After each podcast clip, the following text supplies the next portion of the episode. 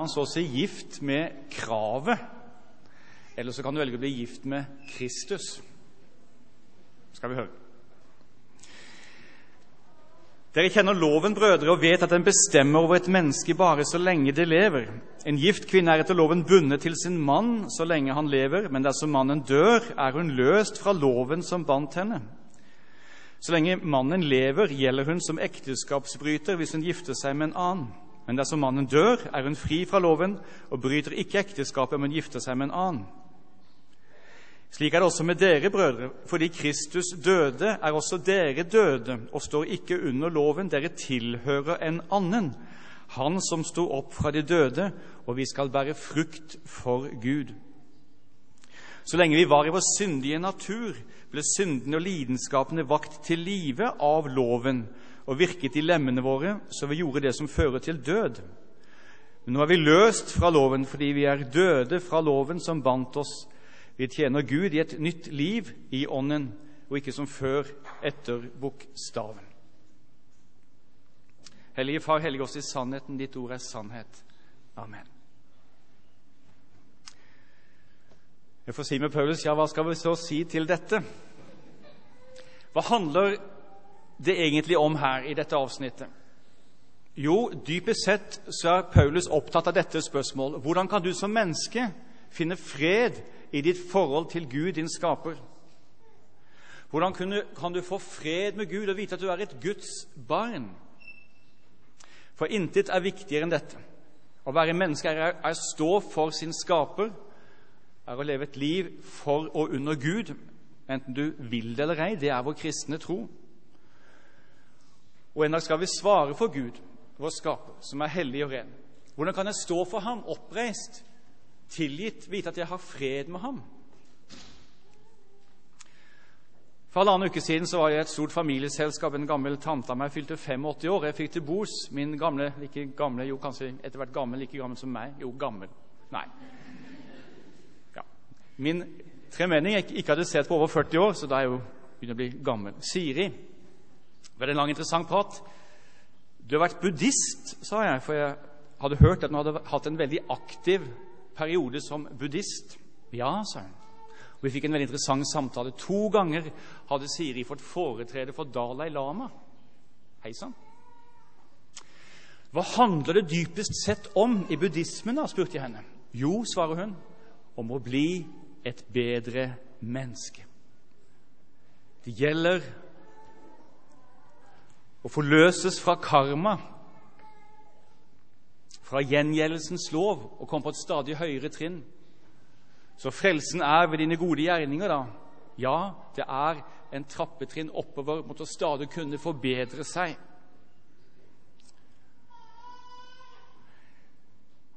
Gjerningenes vei. Først å finne fred når man vet med seg selv at 'nå er jeg god nok'. Men det kristne svar er et annet. Før vi går litt nærmere inn i denne teksten, la oss stanse ved det faktum at enten man nå er buddhist eller ei, så er det å være et menneske være stilt overfor krav. Og Bibelen kaller det å være under loven, for loven krever. Og Det er for forskjellige slags krav. Vi har kulturelle krav vi alle må forholde oss til. Barna må på skolen. Du må på jobben og gjøre den skikkelig. Betal dine regninger, kjør på høyre side. Sykle ikke over kirkegården her. Det er forbudt, selv om jeg ser det når jeg har min meditasjonsstund. Ofte går over dit. De sykler forbi meg.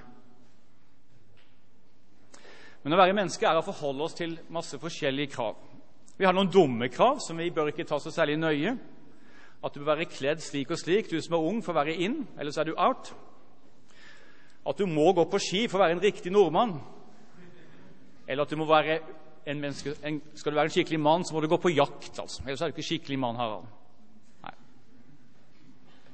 At du er dum hvis, som, hvis du har fylt åtte år og ikke har mobiltelefon. Tøys og tull. Mange sånne tullete ytre krav som vi skal være fri fra. Men de er der og kan ødelegge for oss. Så har vi de moralske krav, de rene moralske krav som ingen av oss unngår, og som er rette. Du skal ikke lyve, du skal ikke stjele, du skal ikke drive hor. du skal være høflig, du skal være vennlig, du skal leve i kjærlighet, så er det å være menneske er å være under krav. Under loven, heter det på Paulus språkbruk. Jesus sa at han var kommet for å oppfylle loven. Det betyr at han i sin person skulle fullbyrde og leve ut, fullt ut, det innerste i lovens krav, nemlig kjærligheten. Og Jesus sa det. 'Hvem av dere kan overbevise meg med en eneste synd?' sa han. Fordi han var ren og hellig. Han fullbyrdet loven. Han fullbyrdet det dobbelte kjærlighetsbud, som er det innerste i det moralske krav til menneskeheten. Du skal elske Herren Gud av hele ditt hjerte, av all din sjel, av all din kraft og de neste som deg selv. Se her, sånn, ja. Ja, Hva mener Paulus med loven? Det, han bruker Loven er en sånn samlebetegnelse. Han kan mene Moseloven, han kan mene de ti bud, det dobbelte kjærlighetsbud, moralske krav i sin alminnelighet, kulturelle krav, ta ikke, smak ikke, rør ikke. Han mener også med loven lovens dom at vi kjenner på at vi dømmes når vi ikke har vært som vi skulle. Og Han tenker også på loven som frelsesvei. Da kan du ta det ut igjen av igjen, Tore. Jesus talte også mye om unødige krav. De kulturelle krav kalte han for menneskebud. Og Mange av dem er bare tull, men mange kristne har blitt plaget med dem gjennom livet. Det er, rett, det er galt å spille kort, men det er rett å spille sjakk f.eks. Hvor man har det fra. Så var det veldig lenge, lenge, galt å gå på kino inntil alle fikk TV. Da var det ikke så galt lenger. Og Skal du være i Danne, skal du snakke på et spesielt vis, sånn som han der lille gutten. Nå er det vel 23 år siden jeg fortalte dere historien, så jeg tar den en gang til. Det var den lille gutten som skulle stå på hendene ute i vannet. vet dere. Den øvelsen ute ved beachen man lærer når man er liten og skal stå på hendene. Så satt moren der inne på stranden og var opptatt med helt andre ting. Og så hører hun så lille pjokk, så stolt, så stolt, så roper han til moren. Han har da svelget tre liter vann og endelig klart det. 'Mormor, se, stå på hendene!' Hendene, gutten min. Den rette følsomhet for en mild moder. Ja, vi har alle møtt rimelige og urimelige krav sanne krav og tåpelige krav. Men der det er krav, der er det også dom, og ikke minst der det er moralske krav. Det sies at Kirken er så dømmende. Men jeg tenkte på det, jeg leste Adresseavisen her på mandag og tirsdag og onsdag. Men bare, bare, i mandag slo jeg opp og så tenkte jeg hvor mange dommer kan jeg lese her ved en rask gjennomgåelse? Der var voldsomme dommer over Israel.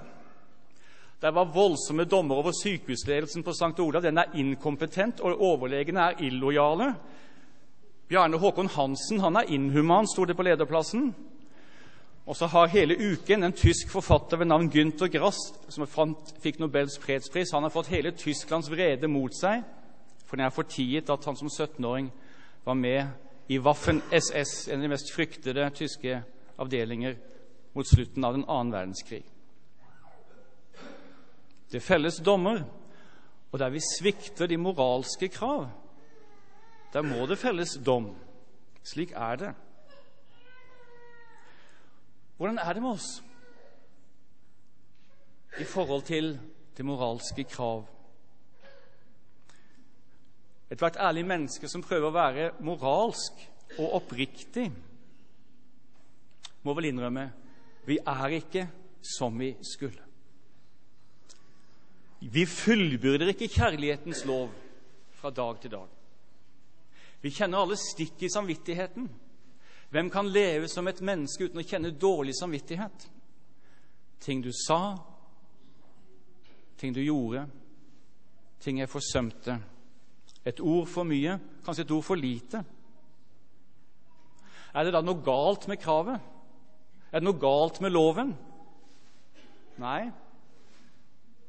må det ikke stå der at ikke du skal lyve, at ikke du skal stjele, at du skal være trofast i ditt ekteskap, at du skal være vennlig og god og tilgivende. Må det ikke stå der? Jo, det må stå der. Men det moralske krav, loven, dømmer oss. Loven er Guds. Og fordi loven er Guds, må Gud dømme oss. Loven, ja. Hva tenkte jødene om loven, fariseerne? Jo, de tenkte som så. Loven er Guds store hjelper for oss. Det gjelder bare å trenge dypere og dypere inn i loven. Og gjennom loven, og gjennom å gjøre lovens gjerninger, skal jeg bli et bedre og bedre menneske. Ja, så sa noen rabbinere den dagen hele Israel holder loven, da kommer Messias. Og så tenker de, til tross for at de hadde ofringene, soneoffer i Det gamle testamentet, så var likevel deres grunnleggende tanke fred med Gud og Hans nåde får jeg først når jeg har oppnådd en viss standard. Det er gjerningenes vei. Men stilt overfor kravet dere havner vi enten i fortvilelse eller hovmod. De havner i hovmod, og det var slik fariseerne havnet. De trodde de var i stand til å oppfylle loven og virkelig fyllbyrde den gode kjærlighet dag ut og dag inn. Men dere husker en toller som sto lengst bak i tempelet, slo seg for sitt bryst og sa, 'Gud, vær meg synder nådig'. For det er jo det som Bibelen lærer, at alle har syndet mot kjærlighetens lov. Alle har syndet og står uten ære for Gud. Og så kommer Jesus, og så kommer Herren gjennom sin sønn Jesus Kristus og viser oss en annen vei. At veien til frelse, veien til fred, går ikke ved at du blir god nok. For når blir du god nok? Når er du god nok ektemann? Når er du god nok hustru? Når har du fullbyrdet kjærligheten så godt at du sier her er det intet som står tilbake? Vi får aldri fred på den veien.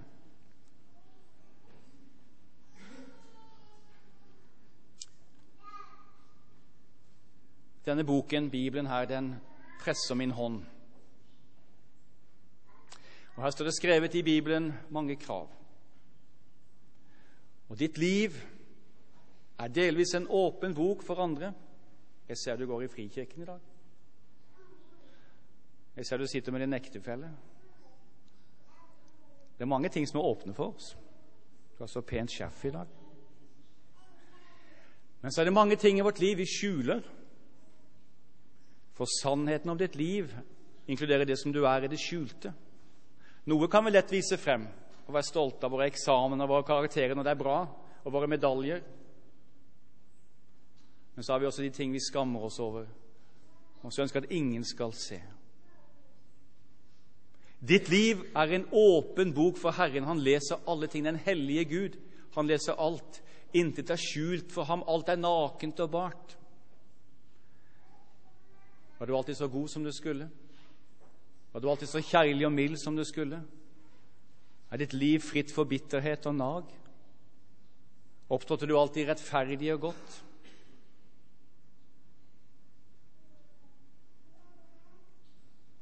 Nei, Bibelen lærer det at når Gud åpner livets bok for oss, så er vi under Guds dom. Alle har syndet og står uten ære for ham.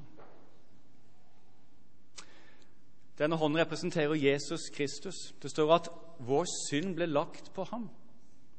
Gud la hele ditt livs tyngende byrde på ham. Han har såret for våre fortredelser, knust for dine misgjerninger. Straffen ble lagt på ham. Og ved hans sår skal du få legedom. Han lot alles våre misgjerninger ramme ham.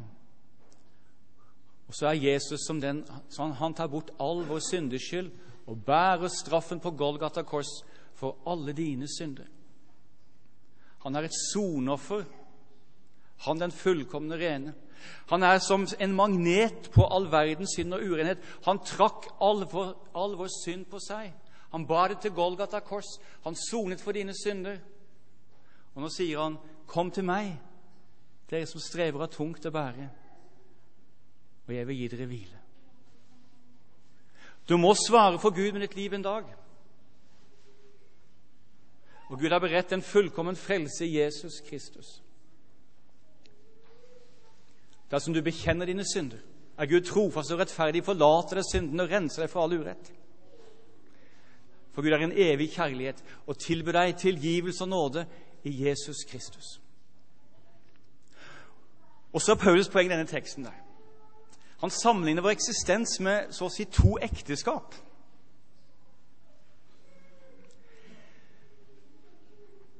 Enten er et menneske gift med kravet, som en krevende ektefelle som bare krever og krever og krever. Og Det å være et menneske under loven som ikke, som ikke ser Kristus, det er egentlig å bli fortvilet om han er dypt ærlig i forhold til sitt eget indre også.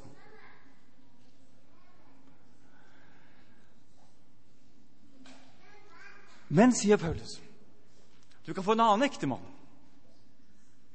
Jesus Kristus. Han som elsker deg. Han som døde for deg.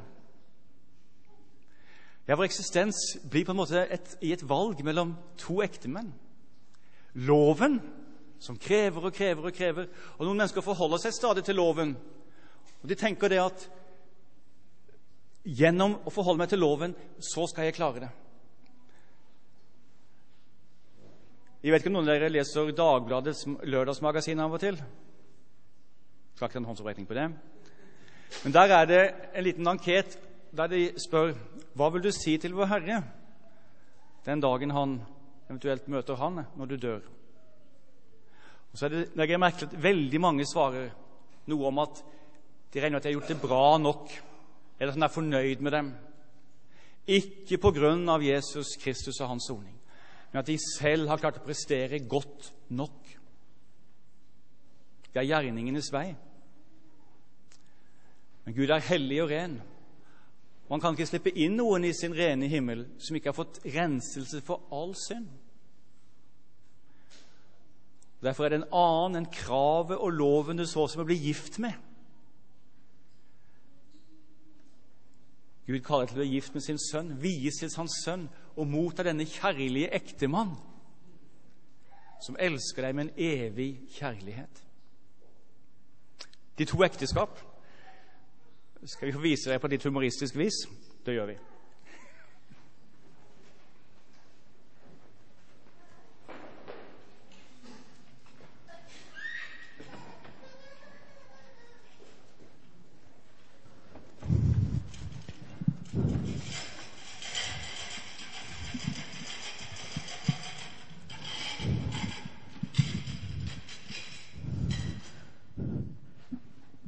Jeg er ufullkommen.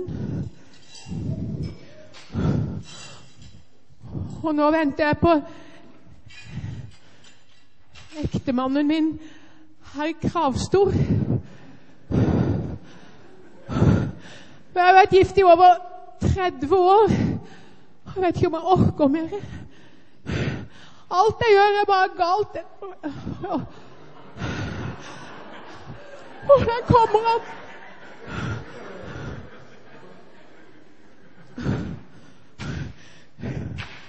Det verste er at jeg bare får lov, lyst, til å være slem. Ja, ja da, et øyeblikk.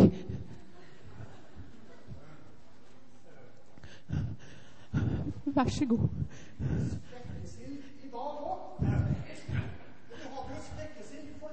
Ja, men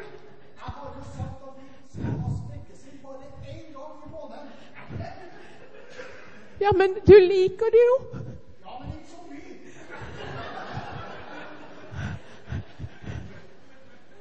Visste det. Jeg visste det. Feil. 25 minutter.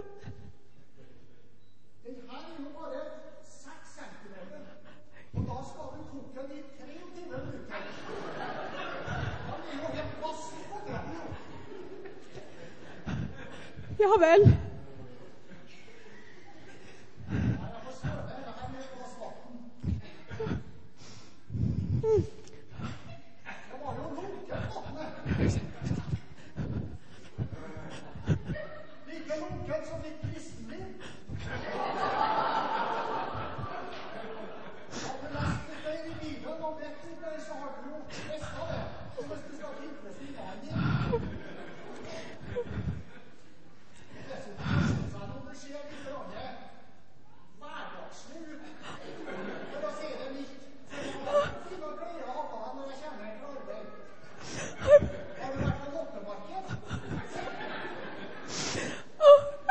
krav og krav og krav hele tiden. Ingenting er godt nok for deg.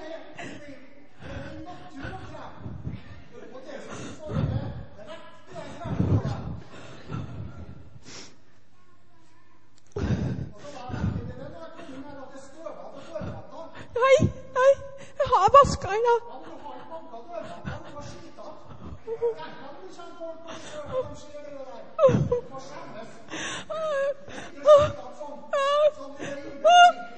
Å nei, jeg tror ikke jeg orker mer.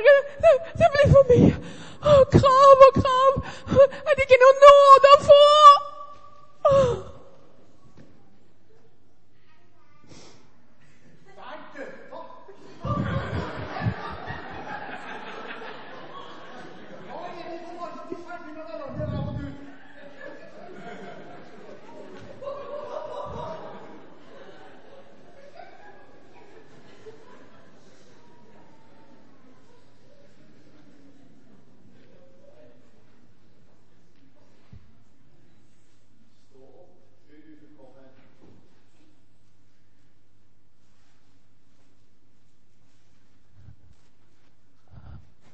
Hva har skjedd?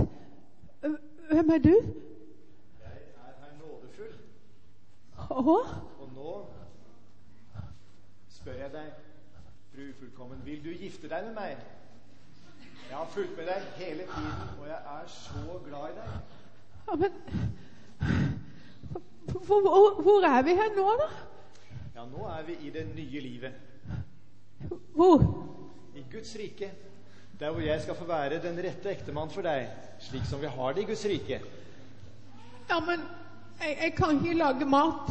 Han, den forrige mannen min sa enten var det for varmt, eller så var det for kaldt, eller så var det for lite stekt, eller for mye stekt. Går ikke det? Nå skal du bare få glemme det, for kravene gjelder ikke lenger.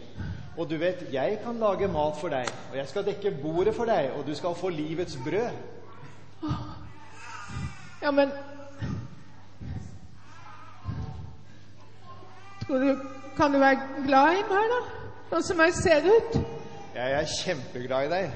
Du er så vakker, og du skal få bli enda mye vakrere.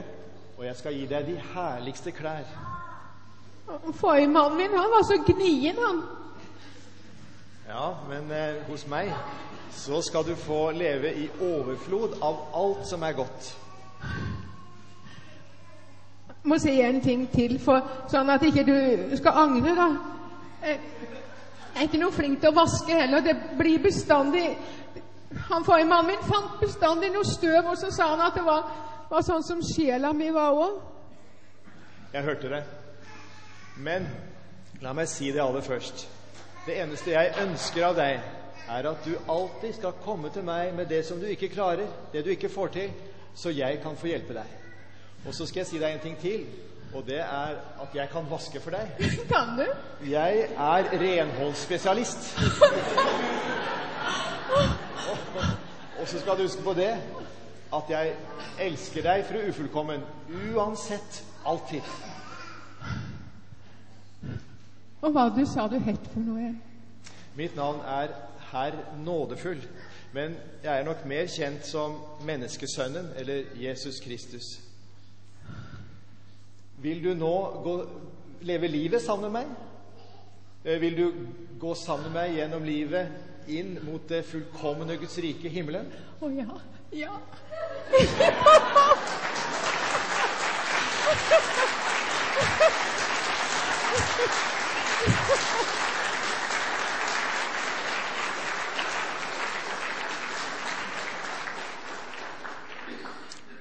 Løst fra lovens dom.